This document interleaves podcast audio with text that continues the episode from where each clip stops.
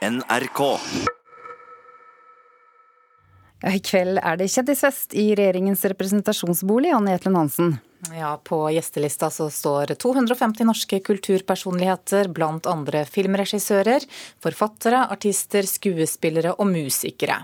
Og For å få invitasjon så må de ha markert seg utenfor landets grenser. Men ikke alle er like begeistret for at kulturministeren arrangerer denne festen. Jeg ble bedt i et kjendisparty av en god bekjent.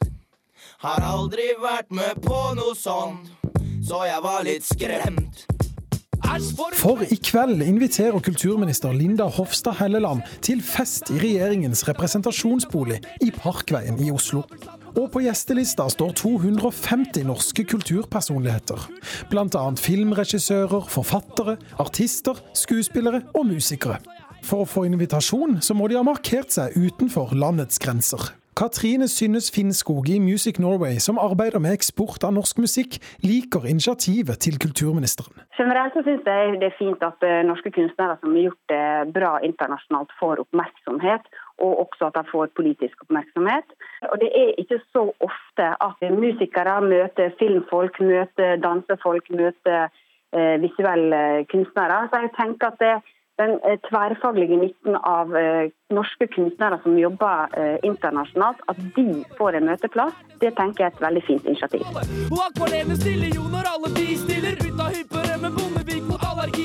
Men ikke alle syns det er like riktig å prioritere fest. Det er mange som i dag står på terskelen til å oppleve noe stort. Det er mange talenter der ute. De blir verken sett eller hørt av kulturministeren, som heller konsentrerer seg om å arrangere fester for folk som allerede har opplevd suksess. Sier Arild Grande i Arbeiderpartiet. Kulturministeren burde kanskje heller ha levert det kulturlivet trenger, eh, framfor å prøve å sole seg i glansen og ta æren av andres suksess. Men jeg var der for øl. Ja, reporter her var Christian Ingebretsen. Jeg regner med det ikke bare blir eh, øl i kveld. Kulturminister Linda Hofstad Helleland, god morgen. God morgen, god morgen. Du, eh, bare for å ta tak i det siste som, eller som ble sagt i saken her. Er det det du skal i kveld sole deg i glansen av andres suksess? Det regjeringa ønsker i kveld, er å hedre våre fremste kunstnere, som gjør det sterkt i utlandet, ikke innenfor ulike sjangere. Og mange av de kunstnerne er ikke så godt kjent her hjemme heller. Det er tekstilkunstnere, det er glasskunstnere, men det er også møbeldesignere, arkitekter eh, og forleggere, og da også da folk fra musikk- og, og filmbransjen. Eh, og det er hyggelig, syns jeg, at eh, vi gjør også overfor Eh, kunstnerne og kulturaktørene våre det vi veldig ofte gjør for idrettsutøverne som eh, gjør det godt internasjonalt. Dem eh, holder vi ofte markeringer for, og det har man gjort fra ulike regjeringer, uansett farge. Dette er jo første gangen det er gjort. sånn at Jeg skulle nesten tro at Arild Grande var litt sur for at han ikke ble invitert, men det er han faktisk, altså. Men en del av disse her får vel heder og ære uansett? Ikke eh, fra de norske, norske myndighetene eh, i den eh, grad. Det er første gangen på en måte man også har lyst til å si til dem direkte at vi, vi anerkjenner oss et pris på det de gjør. Ikke bare for seg sjøl og for kunsten, men også for, for Norge. Og setter Norge på kunstkartet.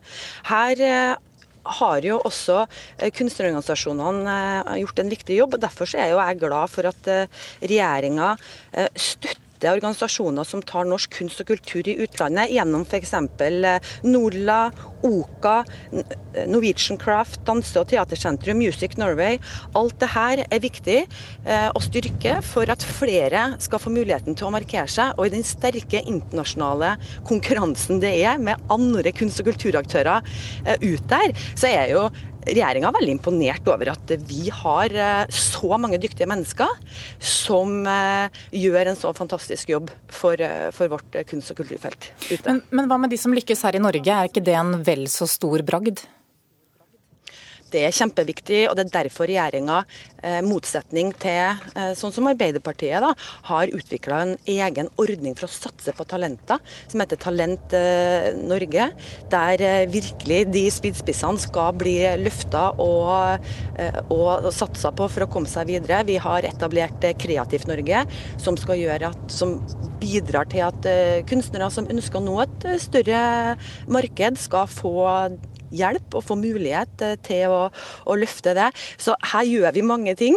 Eh, samtidig det at vi skal ha en mottakelse i kveld i to timer for eh, våre fremste kunstnere og deres støtteapparat som kunstnerne sjøl peker på er viktig for at de har nådd så langt, det tar jeg med knusende ro.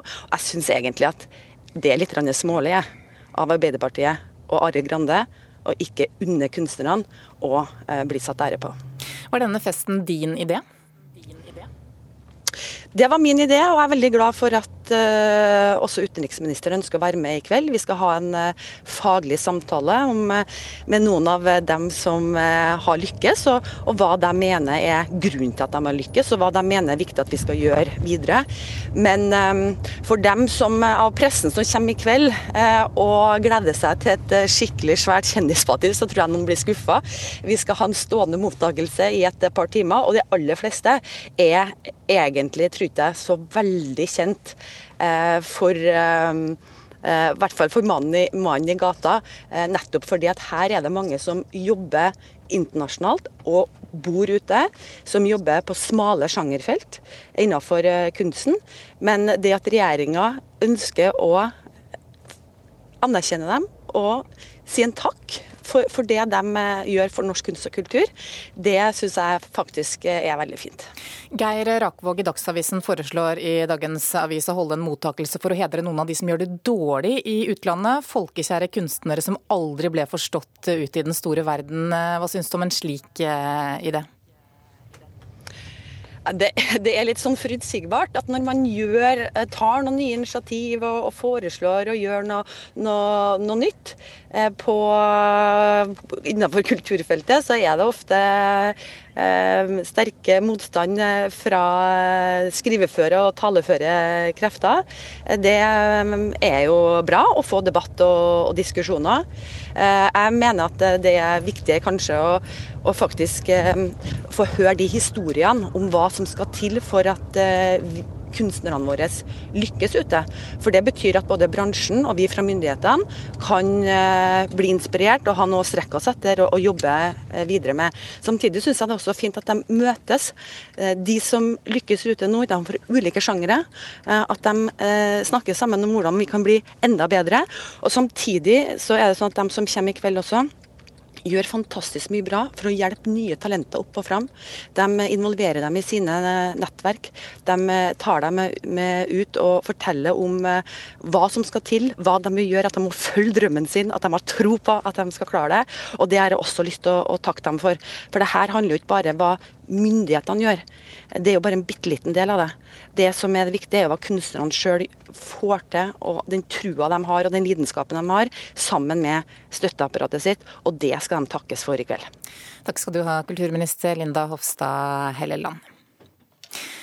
Forfatter Ole Robert Sunde har skrevet en ny roman. Den heter 'Penelope er syk'. Og mange vil tenke på Homers odyssé når de hører navnet Penelope. Og Leif Ekle, kritiker her i NRK, er det en sammenheng? Ja, det er det i høy grad. Ehm, dette er eh, Penelope hos Homer er jo den trofaste hustruen som sitter hjemme i 20 år og venter på at den trojanske krigen skal ta slutt og Odyssevs kommer hjem.